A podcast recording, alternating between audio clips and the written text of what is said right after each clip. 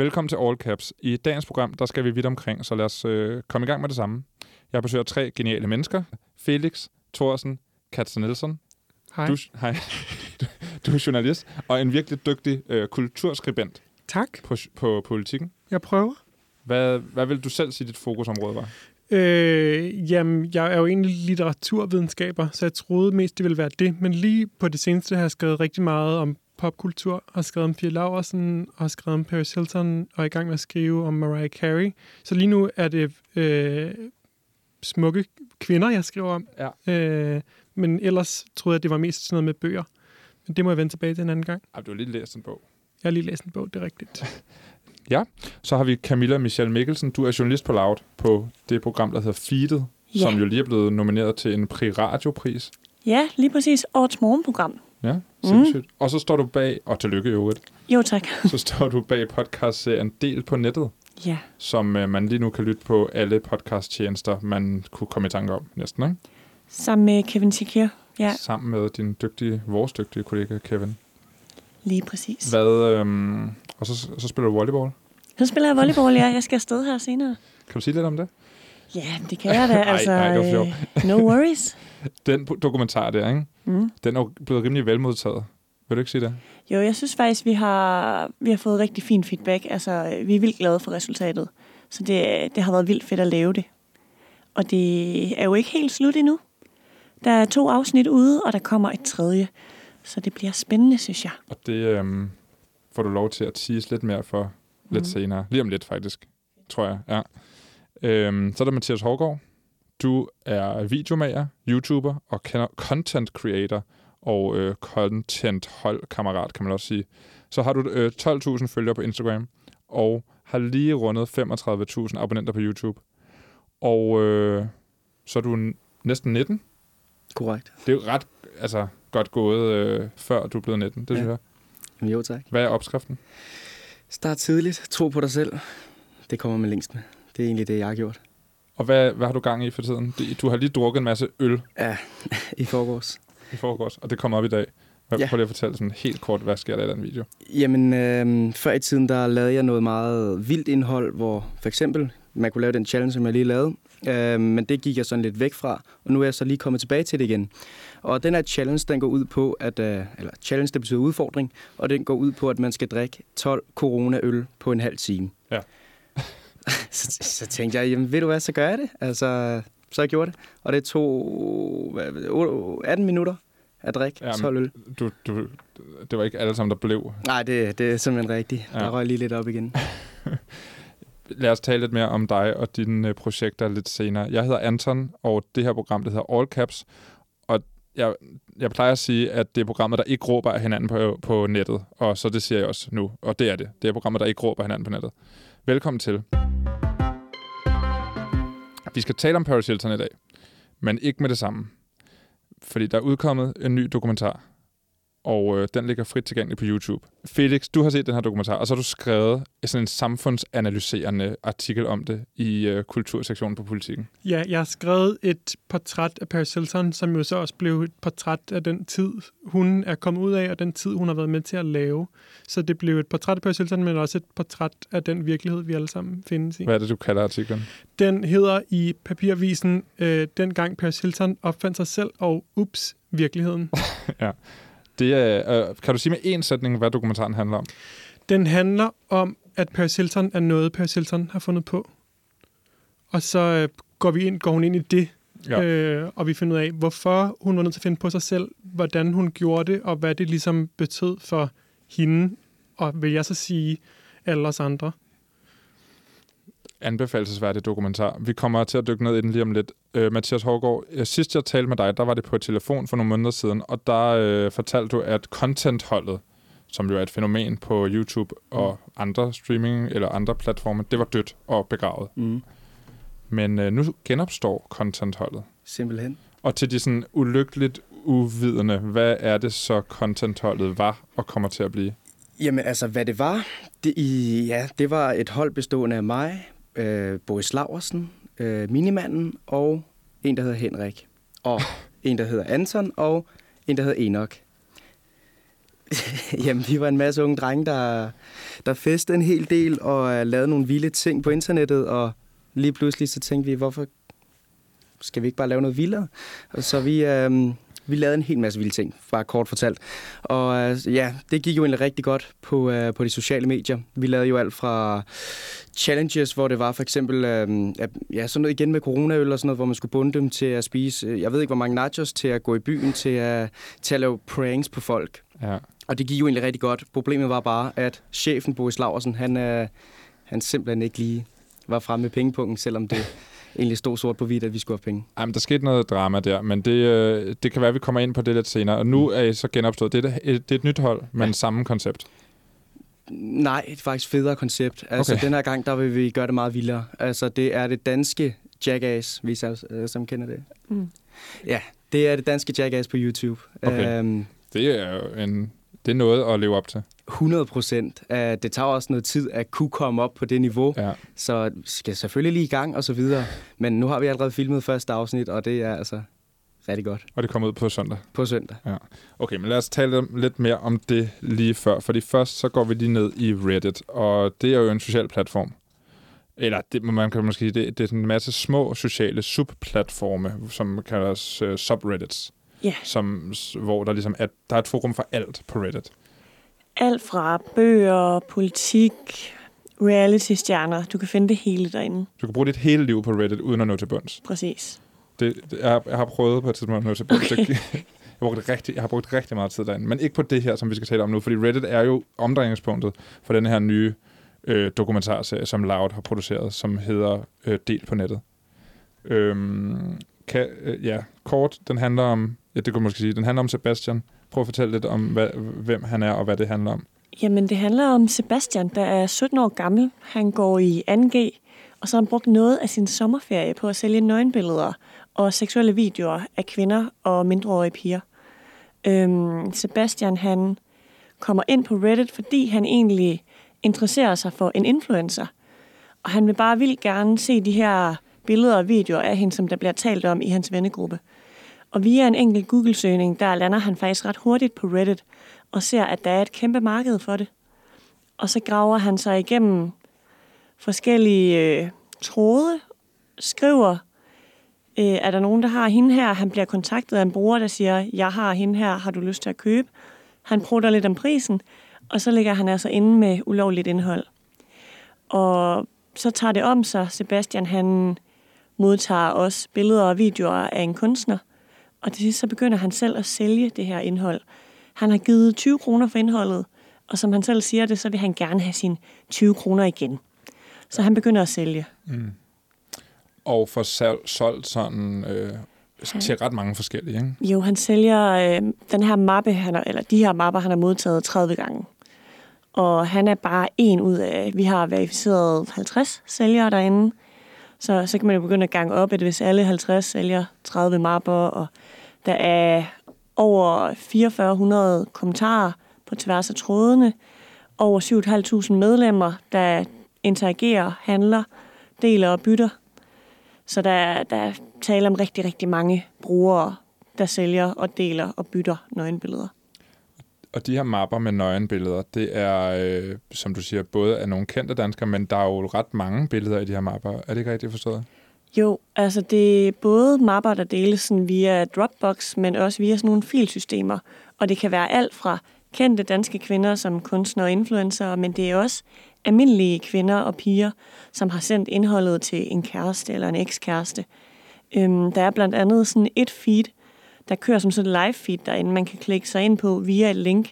Så i den ene side, der er der et kommentarspor, hvor brugerne interagerer med hinanden og sådan, wow, hun ser vild ud, hende lyshåret, kan jeg få mere af hende? Øh, hvem er hende med tatoveringen på låret? Og i højre side, der ser man så bare øh, 200 filer, der kører, og det er videoer og billeder, og det er af privat karakter. Øhm, pigerne og kvinderne bliver kaldt ud med navn, altså sådan, der bliver spurgt specifikt efter Umbrella-sagen, som der jo er faldet dom i i flere omgange, øh, og som stadigvæk bliver faldet dom, eller faldet dom i lige nu. Der bliver spurgt efter Viborg-mappen. Hvis man ikke kender til den, så er det en mappe, der ligesom sådan samler digitalt indhold af kvinder og særligt mindreårige piger. Øhm, og ja, de deles så rundt inde på Reddit. Okay, men der bliver spurgt specifikt til de her to, altså Umbrella-mappen og øh, Viborg-mappen, som jo er nogle altså navne på mapper, som man har været frem i, nav- i, i medierne. Ja. Så, så det er, der er vel en eller anden...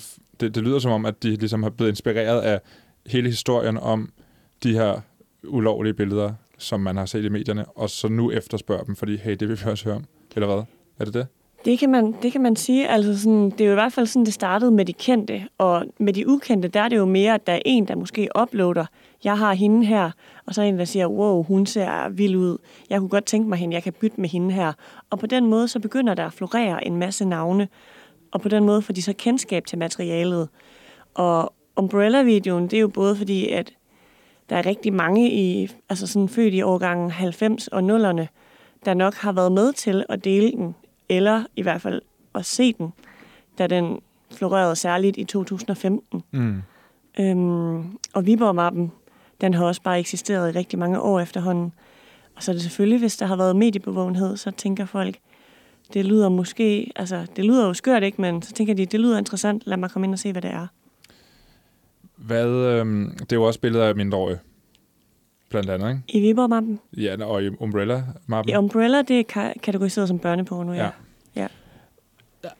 Men det interessante i den her dokumentar er jo, at I snakker med Sebastian, som Mm. øh, lidt u- u- sådan, ikke særlig øh, velovervejet deler og sælger og tjener penge på det her. Hvad, altså, hvad, hvad, øh, hvad siger han, når I, når I spørger ham ind til det? Hvad er det? Øh, hvad, altså, reflekterer han over det?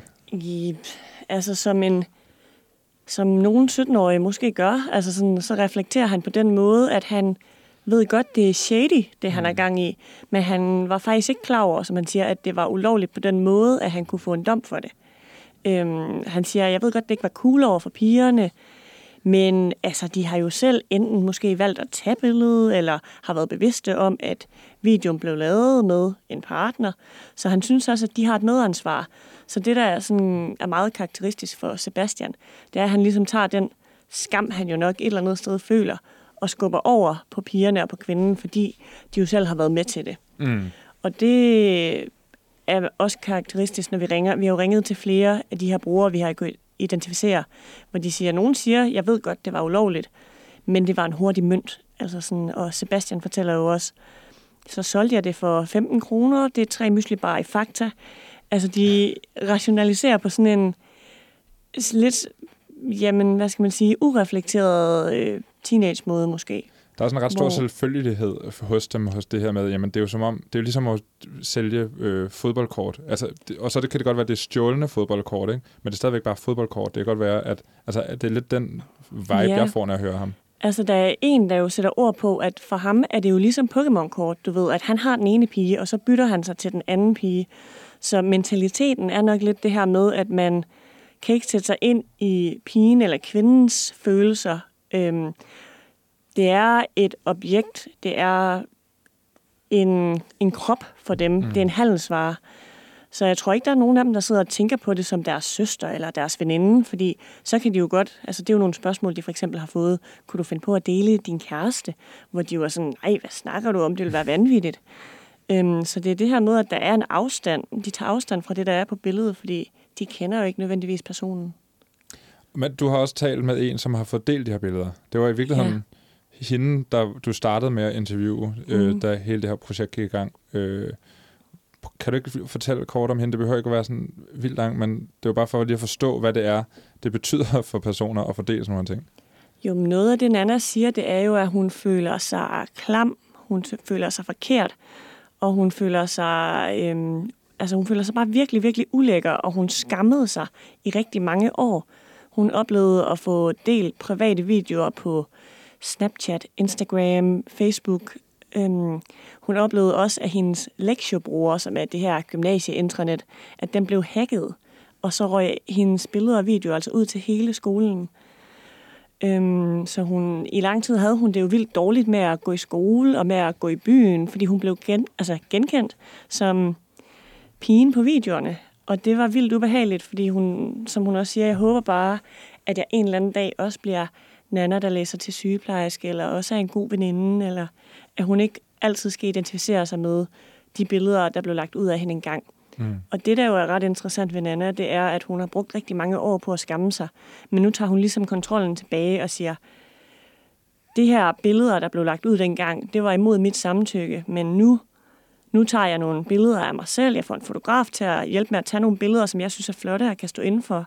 Og nu har hun faktisk lagt nogle nye nøgenbilleder på sin egen Instagram-profil, men i sådan mere æstetisk perspektiv, hvor Mhm. hun har det godt med det, der ligger der. Og så en kæmpe fuckfinger til altså dem, der deler derude, at det her er min krop, og nu vælger jeg, hvad der skal vises frem af den. Så det, Det- er meget cool, at hun er nået dertil. Ja, det må man sige. Det, det er meget stærkt. Hvad siger politiet? Fordi jeg ved, I også har talt med politiet. Ja, vi har talt med Flemming Kjærside, som er politikommissær for det, der hedder NT3, der er National Cybercrime Center. Cybercrime. Ja, og de sidder jo og modtager i bare her i 2020, altså fra januar til juni måned, har de modtaget 195 anmeldelser af folk, der har fået videredelt billeder og videoer. Og de siger, at vi kan ikke altså, følge med. Hvis han havde alle de ressourcer, han kunne drømme om, kunne han måske være lidt på forkant. Men han lyder, øh, han lyder rigtig, rigtig presset. De løber stærkt, som han siger. Og han får også sagt på et tidspunkt, altså, drømmen den er jo at lukke internettet, ikke? Ja, Han, altså, han er færdig over det her. Han synes, det er rigtig pres. det er rigtig pres. Ja, Og det er jo også et svært problem. Altså, for fanden gør man, ikke? Øh, specielt politiet, men også, også andre. Altså, det er jo ikke løsningen, jeg tænker jeg i hvert fald ikke, at man skal holde op med at tage nøgenbilleder af sig selv, men, Mm. men det kan jo blive konsekvensen. Øh, øh, hvad, hvad, hvad tænker I andre om, om den her sag, Felix? Øhm, jamen, jeg tænker alt muligt, først og fremmest. Øh, jeg, jeg tror, jeg, jeg bliver meget overrasket over det her med, at det på den ene side er sådan nogle småbeløb. Altså den, den skala, der er inde i den her sag, mellem at det er myslibar, ja. Og det er Pokémon-kort, men det er også børneporno, og det er også at dele ud på folks lektieprofiler, sende det ud til alle på gymnasiet eller på skolen. mm. Øhm, så jeg får lidt lyst til at spørge, om det ligesom er det de samme mennesker, der tænker i myslibar, og som også tænker i lektioadgang. Det lyder det jo ikke, som om det er. Altså, der er, der er på en eller anden måde et hierarki i, hvem der, eller altså, hvordan udvekslingen sker. Fordi hvis du og jeg udveksler øh, billeder og videoer på tomands hånd, mm. altså en af gangen, vs de her store mapper og store sager, som ligesom er, som også på en eller anden måde handler om noget andet end Pokémon-kortene. Eller sådan, fordi Ja. hvis du så lægger alle dine Pokémon-kort ud på Lexus, Altså det her, det Nana var udsat for, som jo var Lexio blandt andet, det var jo hævnporno, en ekskæreste, øh, en hun havde været sammen med, som, og så da de går fra hinanden, så er han jo blevet sur af en, en eller anden årsag, og hvad der er sket mellem dem, det ved jeg faktisk ikke. Men han har jo lagt det ud for at, at straffe hende og ydmyge hende og latterliggøre hende. Så ja, det er klart en, anden skala, fordi han jo har været tæt på hende og været en stor del af hendes liv. Og han tjener jo netop, som du siger, ikke penge på det. Han vil bare ud og gøre livet nederen for hende. Og det, det blev det jo også i lang tid. Øhm, hvor de andre, det er jo jamen, stadigvæk unge drenge i samme alder faktisk, men som ikke reflekterer over, at der altså er faldet dom i for eksempel Umbrella-sagen, både for krænkende billeddeling, men også for besiddelse af børneporno. Så de tænker ikke over, at det kan have en, altså både en konsekvens for dem og deres fremtid. Øh, Sebastian her, han drømmer om at blive politibetjent. Det kan han ikke blive med en plet på sin børneattest. Han kan heller ikke blive folkeskolelærer, men han tænker slet ikke over konsekvensen for, for kvinderne eller pigerne. Ja. Ja. Det, øh, det, det er en hæftig sag. Øh, Mhm. Mathias, hvad tænker du om det egentlig? Jamen, som Felix også siger, jeg tænker en hel masse. Ja. Altså, det... Fuck. Ja. Altså, det... Nu, ham Sebastian der, du snakker med ham, eller hvad? Hvordan ja. har han det nu? Altså, med det hele? Jamen, han har fået et chok, altså på den måde, at jeg tror aldrig, han kommer til at sælge noget igen. Men det der også er, er kendetegnende ved Sebastian, det er, at hans største frygt, da vi mødte ham, var jo, siger I det til min mor? Ja. Mm. Altså, det var det første, han sådan bare havde brug for at være sikker på, at hans forældre skulle bare ikke vide, hvad han lavede. Øhm, men han kan jo godt sige, at jo, men han kan godt se, at det ikke er, ikke er fedt, det han laver, og det har hans venner også fortalt ham, men, men det er som om, at det er svært for ham at komme Udover denne her med, at de største konsekvenser, det er for ham selv, tænker ja. han, at han vil bare gerne være politibetjent. Og, altså, og så er han jo en, en fyr, der dyrker sport og kommer i sportsklubber og sådan noget, så det vil han jo også gerne kunne blive ved med. Og hvis han får en plet på sin børneattest for eksempel, så kunne det jo blive svært, hvis han gerne ville træne børn i den her sportsgren en dag. Jeg tænker, det er meget sammenlignet med den frygt, de piger må have. Altså, at de måske ikke kan komme ned i deres lokale sportsklub, fordi der er nogen, der har set Mm. dem nøgne, eller kan få et job, fordi, hey, det var hende fra den mappe, eller fra Lektio, eller whatever. Ikke? Det er ret interessant, at der ikke er den refleksion Mm. i det. Ikke? Ja, altså Nana fortæller jo sådan ret chokerende ting, som at både folk, hun ikke kender, men også folk, egentlig sådan, hun har gået på skole med, kommer og siger, er det ikke dig fra videoerne, og kan sige sådan noget, øh, jeg onanerede til dem tre gange. Hey. Altså sådan slet ikke kan sætte sig ind i, at det er et kæmpe overgreb, hun har været ude for. Så hun bliver stadigvæk mødt af, af folk, der bare synes, det her det er, wow, godt lavet, sender du mere materiale, hvor hun er sådan, det er ikke noget, jeg har delt. Det skulle slet ikke have været mellem andre end mig og min daværende kæreste. Ved du, hvad der skete med, med kæresten? Jamen, hun har jo anmeldt det, men fordi at hun i lang tid faktisk ikke troede på, at det kunne være ham, før at hun ligesom fandt ud af, at nogle af de billeder, der kom ud, det var kun ham, der kunne være i besiddelse af det. Øhm, så viser det sig, at han ikke har fået en dom, fordi at hun i, først, i de første afhøringer har sagt til politiet, ja, det kan ikke være ham, altså vi taler sammen, og øh, vi er jo tætte på hinanden, så at hun troede ikke, at han kunne finde på sådan noget. Og da det så går op for hende, at det virkelig er ham, så er det desværre for sent. Ja, så han, øh, han er gået fri. Ja. Hvad gør vi ved det? Jamen, der er jo, altså, vi har jo haft fat i øh, en hel række retsordfører og en, altså en række organisationer. Og noget af det, de alle sammen peger på, det er jo i hvert fald en kulturændring. Mm. Fordi du sagde det selv før, at det skal jo ikke være forkert at tage nøgenbilleder og dele et nøgenbillede, hvis man har lyst til det med sin kæreste eller sin ven eller sin fløt. Men det her med, at der skal bare være helt klare rammer for, at man må altså ikke dele andres billeder uden samtykke. Og hvordan gør vi folk opmærksom på det? Der skal nok noget mere oplysning til i folkeskolerne, øh, i folkeskolerne og måske også i gymnasiet. Fordi noget af det, vi har også talt med en, en anden ung fyr, der siger, det gik først op for mig, at det var ulovligt, da der stod det, der engang hed SSP, altså øh, politiet og en fra en organisation ude i hans klasse og sagde, det er ulovligt at dele. Mm. Fordi det er så, nu siger jeg ikke godsøjne, men almindeligt øhm, i denne her aldersgruppe, at de deler og sender nøgenbilleder. Og noget andet, som retsordførende siger, altså både radikale, radikale Venstre, Christian Hegård og Peter Skåb fra Dansk Folkeparti, de har sendt spørgsmål til ministeren, justitsministeren Nick Hækkerup på baggrund af dokumentaren, hvor at de blandt andet spørger om, øhm, kan I redegøre for, hvad regeringen vil gøre for at stoppe videredelingen? Kan I redegøre for, hvor mange der er tale om? Øhm, Peter Skåb, han foreslår blandt andet hårdere straffe. Han foreslår hårdere minimumstraffe. Øhm, og det er også en debat, vi skal have, fordi man kan jo blandt andet få 10 år på sin børneattest. Er det retfærdigt? Er det nok? Er det for lidt? Er det for meget? Fordi det har jo selvfølgelig konsekvenser også for dem, der får det, at de ikke kan blive måske folkeskolelærer, pædagoger, politibetjente inden for en årrække. Men det har jo også konsekvenser for de piger og kvinder, mm. der bliver delt, at det er jo nok ikke bare 10 år ude i fremtiden, at de skal bære på den her byrde, og at de her billeder bliver ved med at florere på nettet, sikkert også om 10 år, fordi det er så svært at få det materiale væk. Ja, Så lige det præcis det. Det vil jeg gerne bryde ind i. Altså, det der med hårdere straffe for det der, det går jeg klart ind for. Fordi jeg kender selv en af mine bedste veninde, hun, øh, hun har det stadig pisse dårligt i dag, fordi at hun var 14 år, da hun fik delt et nøgenbillede. Ikke? Og øh, ja, nu er hun jo så 20 år, ikke? og hun har det stadig pisse dårligt, og hun var jo tæt på at tage sit eget liv i den alder. Altså, det ødelægger en anden persons liv. Så det der med hårdere straf, den går jeg sgu ind for, for at være ærlig.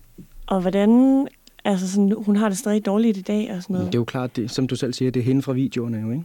Jamen, og er, er- hun kommet ud på den anden side? Altså, har, hvad har hun sådan ligesom gjort for... Nå, men altså, hvis folk snakker om hende, så ved man jo, at ah, det var hende fra videoerne, hvis man ikke lige, og hvem var det nu, det var. Øhm, Ja, men altså, dengang, ja, det var nok i 7. eller 8. klasse, hun var jo ikke i skole i et år, Nej. og da hun kom tilbage, var hun helt hvid i ansigtet, og det er jo efter et år, og hun, undskyld mit sprog, men hun lignede lort, ikke? Ja. Altså, hun har virkelig haft det rigtig dårligt, og altså,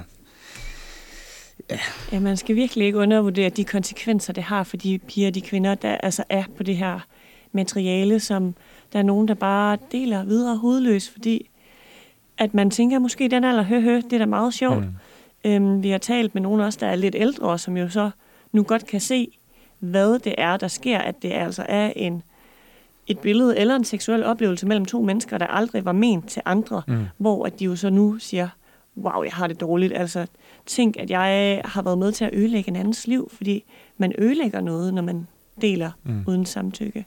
Så vi skal, det er den bevidsthed, folk ligesom skal have, have præsenteret lidt oftere og lidt tidligere måske. Måske skulle vi have fat nogle influencer, og sådan en som dig, Mathias, som gik ud og fortalte om, hey, det er ikke okay det her. Altså, Jamen helt sikkert. altså, det, sådan noget der, det støtter jeg sgu gerne op om. Ja. Man kan lytte til del på nettet på iTunes eller Spotify eller på yeah. alle, alle apps. Lige der, hvor du finder din podcast. Ja. Det er en svær overgang lige nu ikke, til et, et, et nyt emne, fordi det er sådan en uh, tung og nederen uh, sag. Ikke? Men lad os prøve, og det er jo også en lidt tung og ikke så nederen, men interessant sag, det vi skal snakke om nu, som jo er Paris Hilton.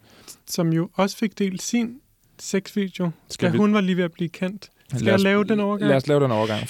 Nå, men fordi det, det synes jeg nemlig er rigtig interessant, for det siger også noget om, at vi er trods alt er kommet et stykke vej. Prøv lige, lad os tage det som indgang. Paris ja. Hiltons sexvideo. Ja, altså, jeg har skrevet et portræt af Paris Hilton, som jeg har afsløret på baggrund af den dokumentar, der hedder This is Paris, ja. som er YouTube produceret, og som ligger frit tilgængeligt på YouTube og varer en time og 45 minutter, tror jeg det er. Ja. Den kan man bare gå ind og se. Den er, er anbevægelsesværdig i sig selv.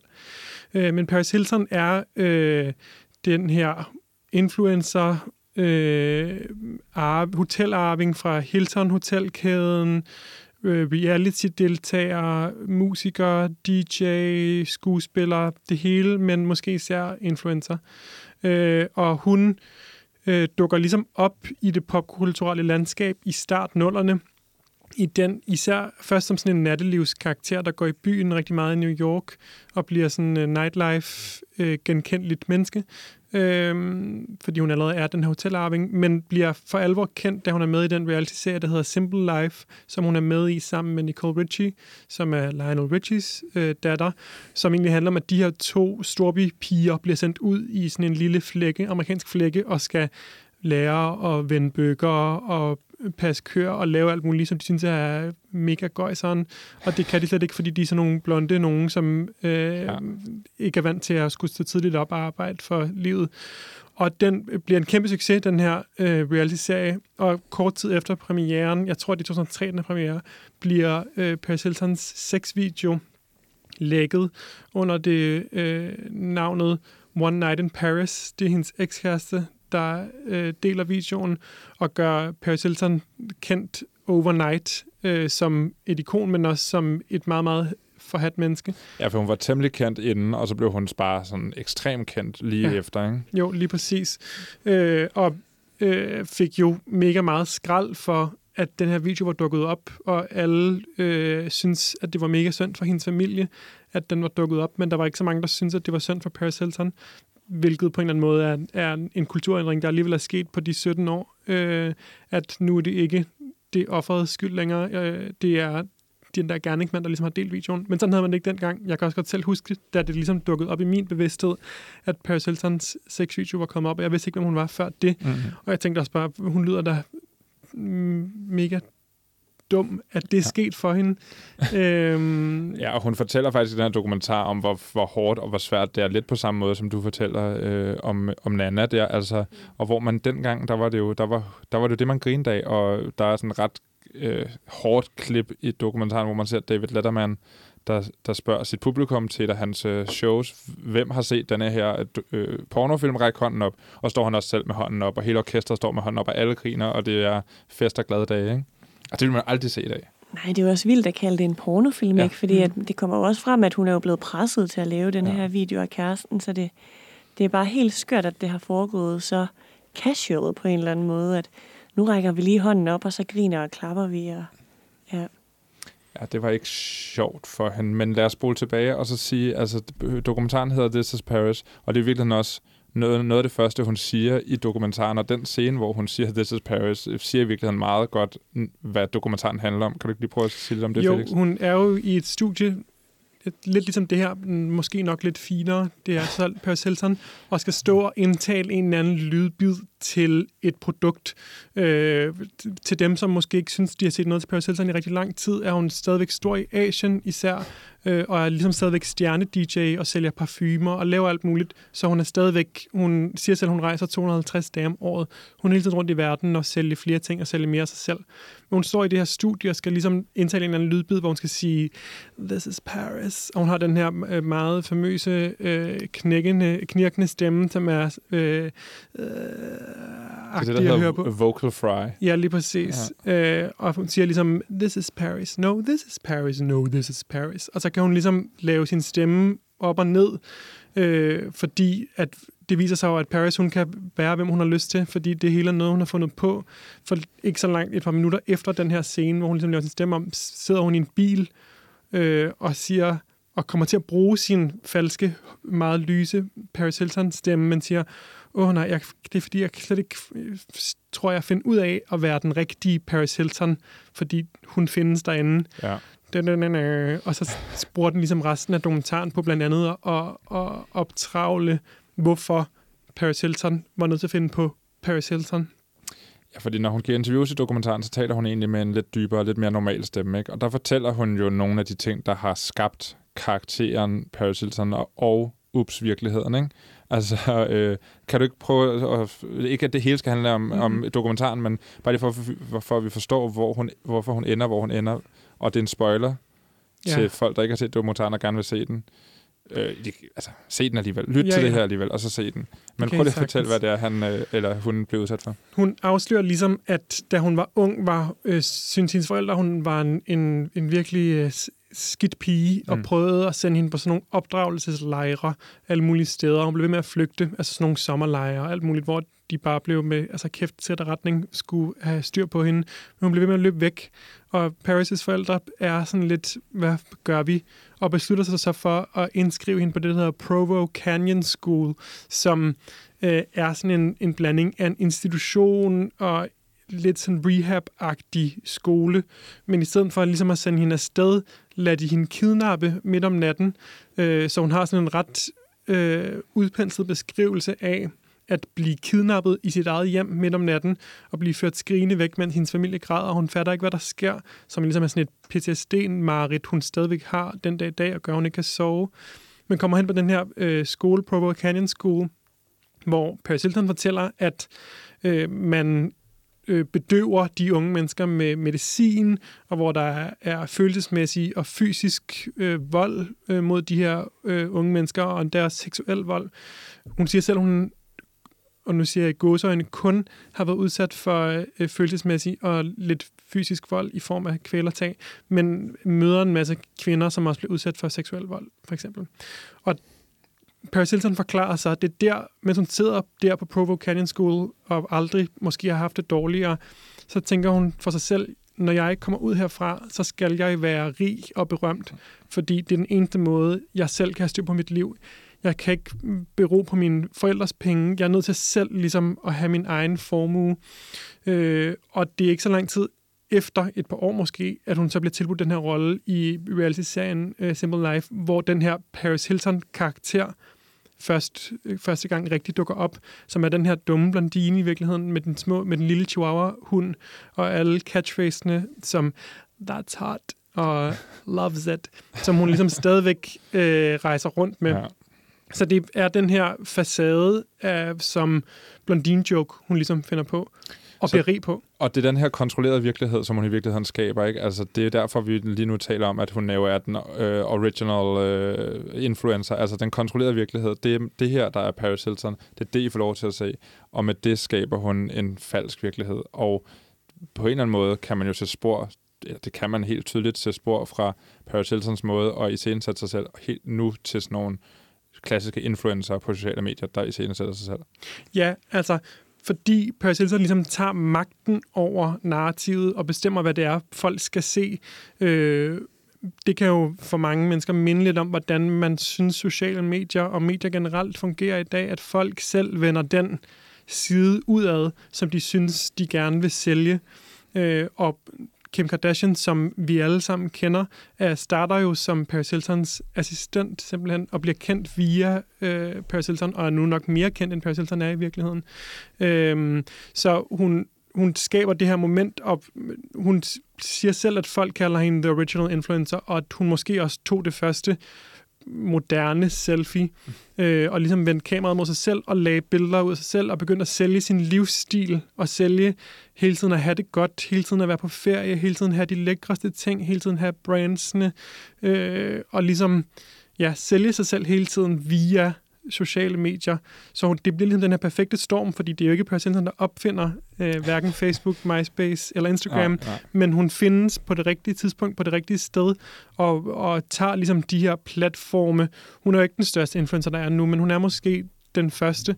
Øh, og vil jeg jo i hvert fald mene, også efter ligesom at have set dokumentaren, medskaber til, at vi alle sammen vender den, øh, den gyldne side ud på de sociale medier det, det er ret interessant, når man, når man snakker om det her, fordi man kan jo ikke nærmest undgå at gøre det selv, når man sidder på Instagram og skal lægge noget ud. Altså, hvad fungerer bedst? Hvad? Og det må du også øh, kende, Mathias, ja, tænker jeg.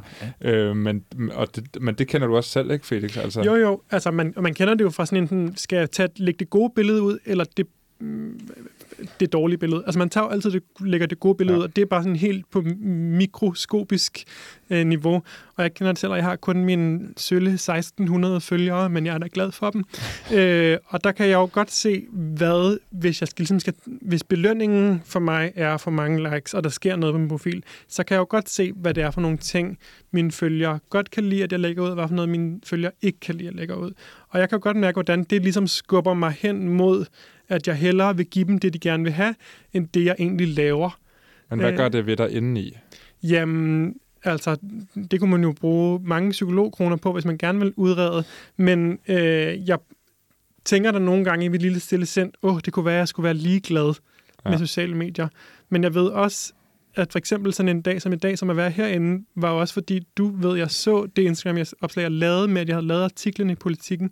Så jeg ved også, hvor meget arbejde, kroner og øre, får ikke penge for at være her i dag, men at, at det, at jeg lægger mit arbejde ud, gør, at der er flere, der lægger mærke til det, som gør, at jeg får flere muligheder. Så jeg, jeg ved godt, at jeg skal dele mine succeser, fordi dem, det kan afle mere succes.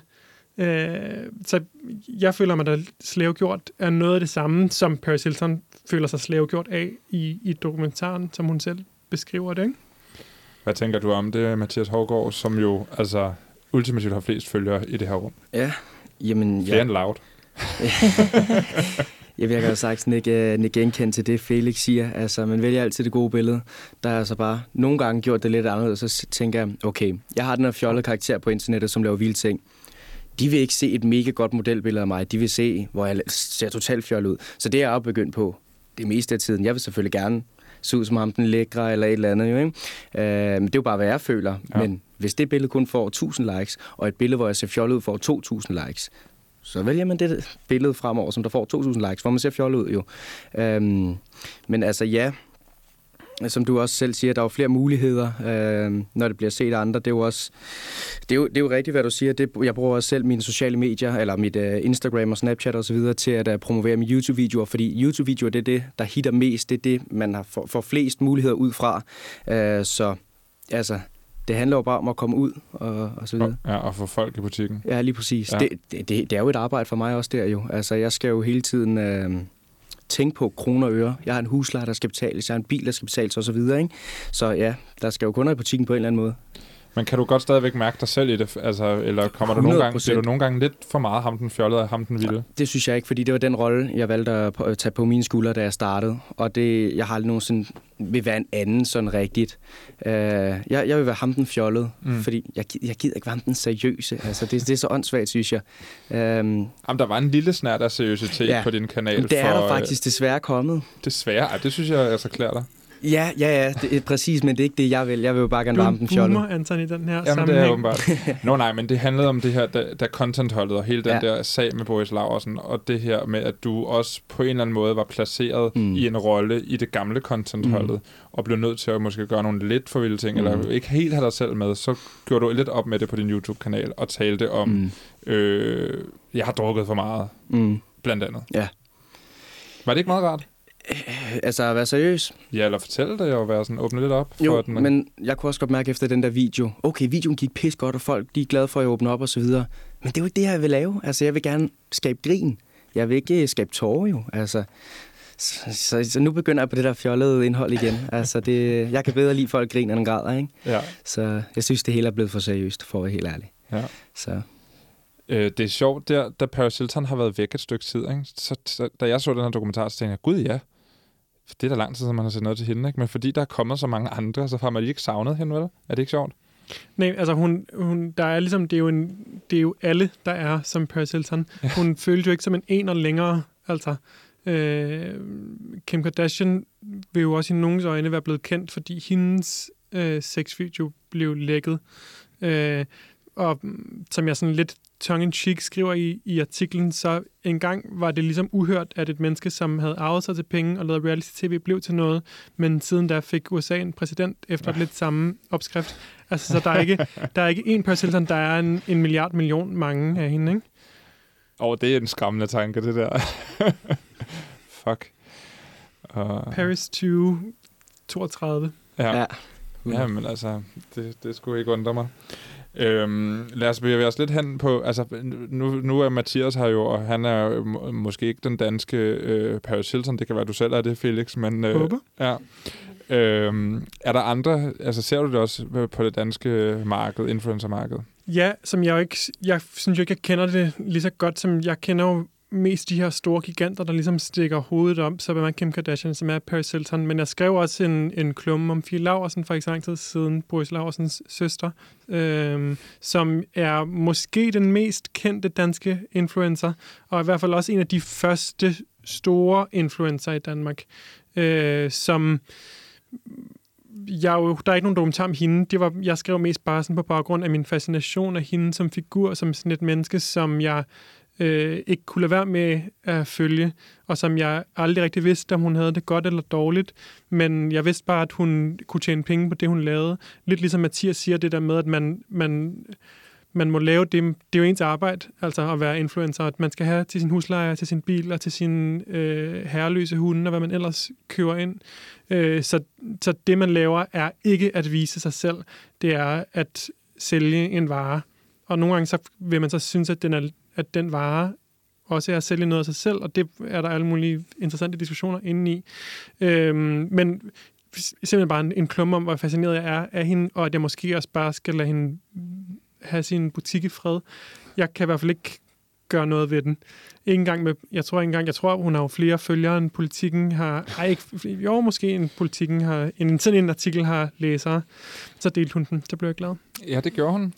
Øh, nå jo, men så, og der er pointen jo også, at måske kan du ikke gøre noget ved hende, men måske kan du gøre noget ved de 300.000, der følger hende, eller øh, os andre, eller vores syn på et liv som hendes, ikke? Jo, øh, som jeg, og det skrev lidt om, jeg ved ikke, hvad det er, jeg gerne vil. Jeg har bare lyst til, at jeg, når jeg kigger på hende, tænkte jeg, at der skulle ske noget, men det kan være, at der ikke skal ske noget. Mm. Men det er en, en vild interessant diskussion, hvordan vi forbruger øh, influencer, som i virkeligheden også kan være en diskussion af, hvordan vi opfører os på internettet, som jo hænger sammen med det, øh, din dokumentar handler om, med del på nettet. Ikke? At, at vi... Øh, vi er hårde ved hinanden, og vi øh, folk har været hårde ved Fie Laversen, siden hun dukkede op som mobbeoffer, har hun ligesom aldrig rigtig sluppet mobbeofferrollen, fordi folk bliver ved med at hade hende, men for hende er det bare guldmønter, øh, og sikkert også pisse hårdt, men, men ja, ved enhver hadebesked er også en, et par øre i, i banken på en eller anden måde. Ja, det er det måske. Det er svært ikke, fordi det jo har, altså det øger i banken, og det har også bare nogle personlige konsekvenser, at Fie har måttet forlade landet. Mm. Altså det er sådan, det er virkelig svært, hvad der vejer højst, synes jeg, at altså skal man tænke på sit personlige venbefindende, eller skal man bare gøre en business ud af det, og være sådan fin nok, så hater I, og så lever jeg bare jeres hate. Altså, jeg synes virkelig, de store influencer, de bare står i nogle dilemmaer, der må være mega, mega hårde nogle gange, som nok er den del, jeg hader allermest ved internettet. Altså sådan, at man ikke bare kan lukke af, og så er det... Altså, man er bare en offentlig person på en måde, der må være vildt intimiderende. Du har en fin tatovering, har du ikke? Jeg har en fin tatovering lige her. Queen Fie, ja. Ja. Jamen, jeg var boet hjemme ved Fie og Boris i 3-4 uger, lige da corona startede her i, var det december. Og øh, der lærte jeg den rigtige Fie Laversen at kende, ikke? Ja. Uh, hun skylder mig i dag, for for jeg gider ikke engang sige tallet, vel? Uh, men nok om det, jeg synes fandme, hun er genial. Nu kender jeg jo så tallet på, hvor meget hun har tjent på sit uh, pornohaløjser mm. der, ikke? Hatten af for det. Jeg har sgu gjort det samme for det beløb. Altså, det kan godt være, at jeg havde men jeg tager sgu hatten- af for hende. Altså, hun har jo også bare vendt alle haters ryggen, og hvad vi ser. Altså, vi ved jo ikke, hvordan hun har det, når hun ikke laver en story, jo. Men jeg synes, hvad, hvad vi ser, er, at hun fandme er sej. Mm. Det er jeg ked af at sige, det, øh, men jeg bøjer mig sgu uh, i stedet for hende. Det, jeg synes sgu, det er sejt. Ja. ja, men der er sket et eller andet. Det er meget interessant. Ja. Men ja, vi sender en tanke til hende. Og Til Marbella. Ja, ja. Nej, det løg hun så om. Det er fa- Fango, hvad nu kan jeg ikke udtale. Fango Rola, hvad hedder det? Breaking news. Yeah, sorry to break it. Men, Nej, det er fint. Åh, men det er virkelig- Til Spanien. Til Spanien. Til Spanien. Ja, Spanien, ja. Nå, men lad os tale om contentholdet så, fordi det er jo også sådan en uh, ex-Laversen uh, foretagende her. Og, desværre. øh, og så lad os tale om det nye contentholdet, ikke? Fordi Ja. der skete jo nogle ting der med dig og Broe, så øh, det gik ikke så godt og sådan noget. Men nu skal I ud og fyre den af. Og hvad handler den video om, som vi lægger op på øh, søndag? Vi har så meget råmateriale lige nu, at jeg faktisk ikke engang kan fortælle dig det hele. Altså, fordi jeg ikke selv har helt styr på det, fordi der er så meget. Vi har for eksempel, øh, vi har fået to nye medlemmer. Den ene, øh, hedder, den ene hedder Asger, og den anden hedder Johannes. Og så minimanden, han er sådan halvt med igen, og så er der så mig. Øhm, ham, Johannes, han er, så vidt jeg kunne forstå, så var han autist åbenbart. Øh, det har jeg så først lige fundet ud af. Så, så han, han er sådan lidt en sjov type, øh, men virkelig fed type, og så kan han bare finde ud af at entertain på fuld skrue Ja pisse, pisse fed person. Rigtig sjov. Hvordan er han, altså hvis du ikke ved, at han er autist, hvordan er han blevet en del af contentholdet? Har I ikke haft sådan en... Øh... Jo, men det var faktisk, fordi han skrev til mig og sendte mig nogle videoer. Oh, okay. Og det, det er der jo en million, der har gjort. Ja. Og jeg har helt, altså lige, lige efter kontinentet stoppede, så sådan, jeg har ikke rigtig lyst. Nej. Men så så jeg ham der sådan, sådan ah, og så svarer ham ikke rigtigt. Så vender jeg så tilbage en halv måned efter, sådan, ved du hvad, vi, vi bliver sgu nødt til at prøve det. Men hvad er det her med at være et hold? Fordi det ser man jo rigtig meget på amerikansk YouTube, ikke? Altså, mm. Der er jo for alle mulige forskellige hold. Der er Vlog Squad og Nelk Boys mm, og mm. så de der Logan-drengene, mm. Øh, øh, Team 10, ikke? Mm. Hvad er det, øh, hvad er det ved at være et hold, der er fedt? Der er så mange personligheder. Ja. Så meget blandet i en video. Fordi hvis, hvis det kun er mig, der sidder foran kameraet, så man gennemskuer man hur- hurtigt, hvem jeg er og så videre. Men hvis der er fire personer, så er det jo noget helt... Altså, puh, mindblow. Altså, der kommer... Det er nogle helt forskellige personligheder, jeg har mixet sammen her. Uh, så det er egentlig fire fede personer mixet ned på en kanal. Uh, så Det- der ja. kommer en hel masse sådan... Så, kan man, øh, så er der noget til alle. Jeg Ja. synes ham den sjove, Ja, eller jeg synes ham præcis. den følsomme. Fordi alle har jo en yndling. Ja, om Ja. ja. det er i boyband eller om det er en Ja. ja. YouTube-kanal, så har alle jo en yndling. Så, og der er jo fire forskellige her, så kan man jo selv vælge jo. Hvem er din yndling I hvad? i contentholdet? I kunstnerholdet. Ja.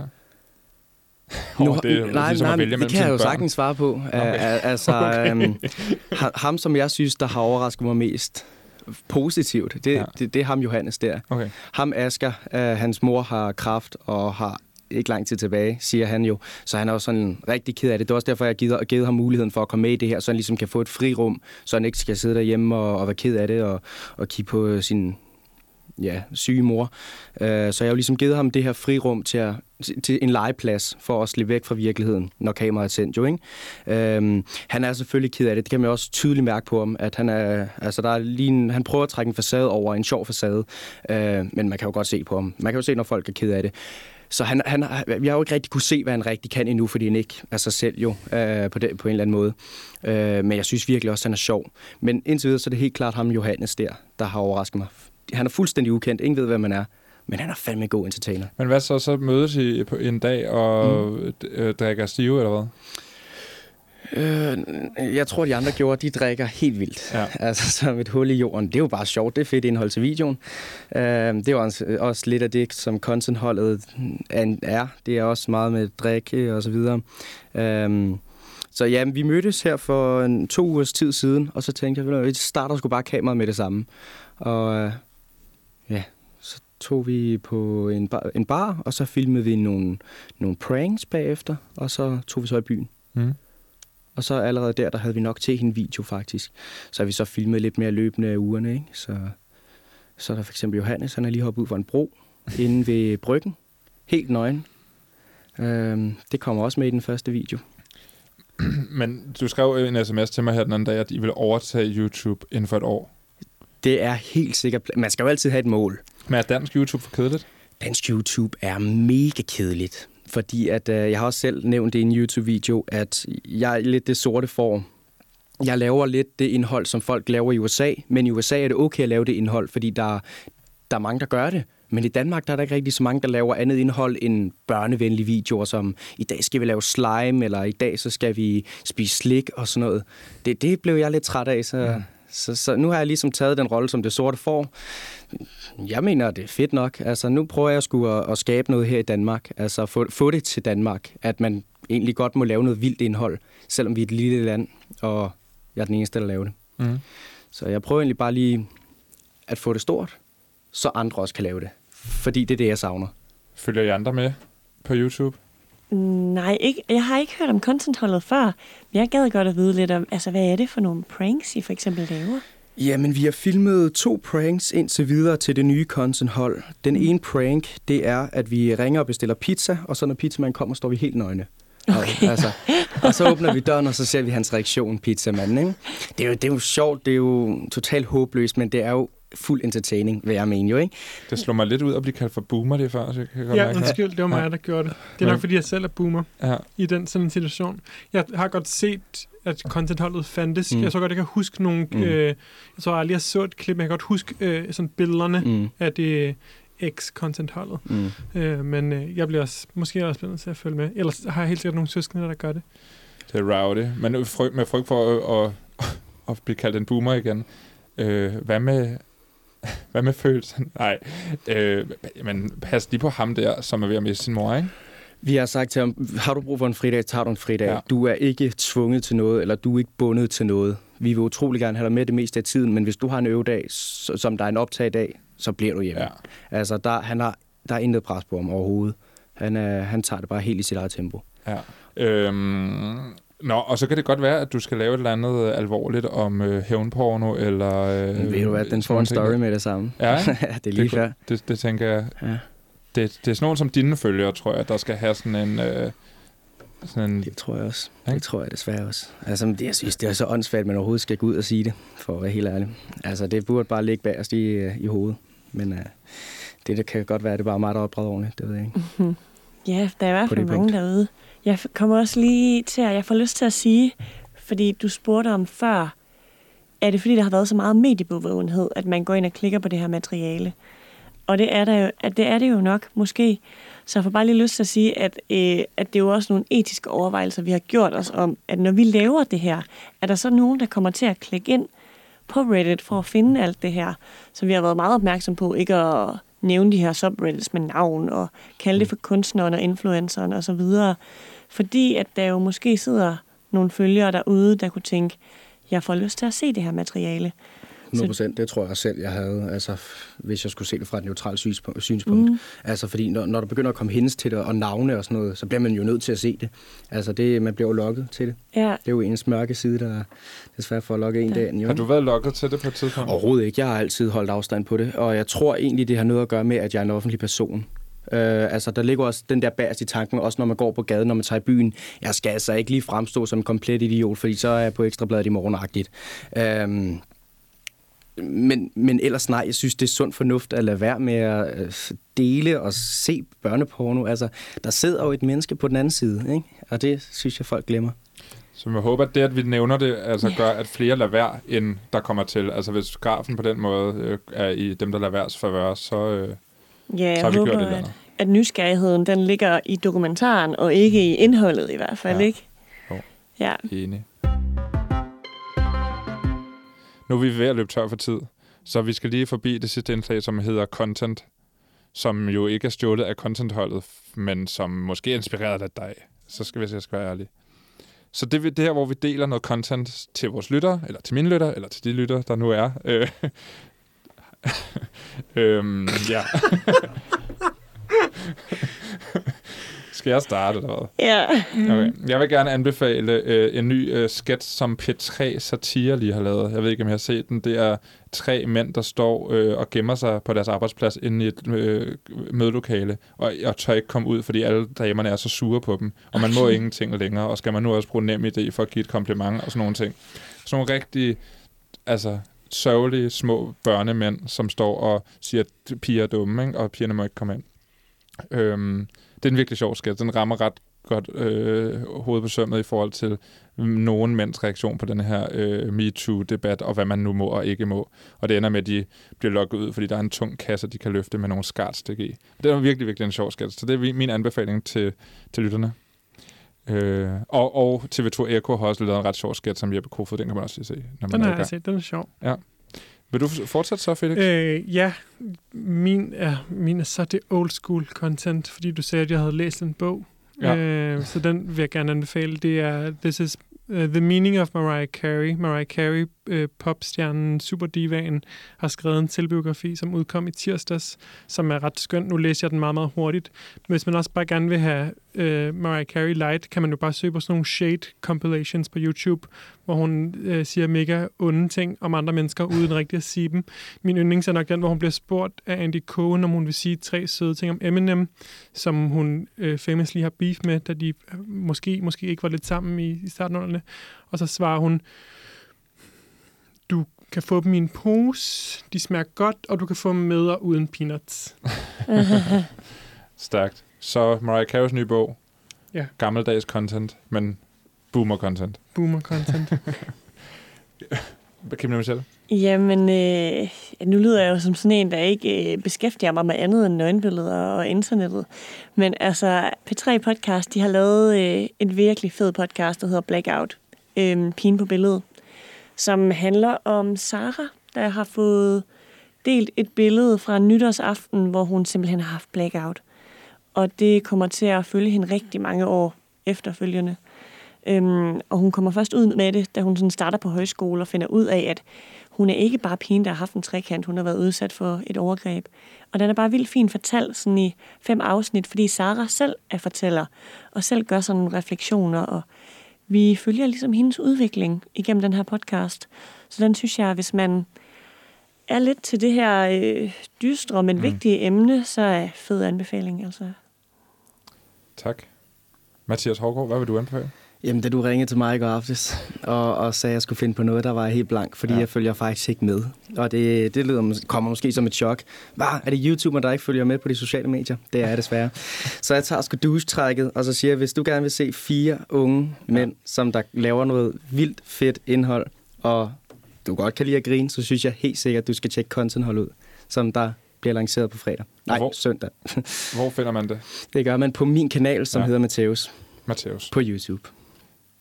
Vi linker til det hele i Fedt. beskrivelsen af podcasten, så kan man øh, selv gå på opdagelse, og vi linker også til Paris Hilton-dokumentaren. Og del på nettet. Fedt. Tak fordi I kom. Selv tak. Ja, selv tak. Det var alt for All Caps i dag. Programmet er produceret af og på Enigma, Museum for Post, Tele og Kommunikation for Loud. I redaktionen sidder Anton Gade Nielsen, det er mig, Marie Høst og Nana Schmidt Nordeskov. Vi ses.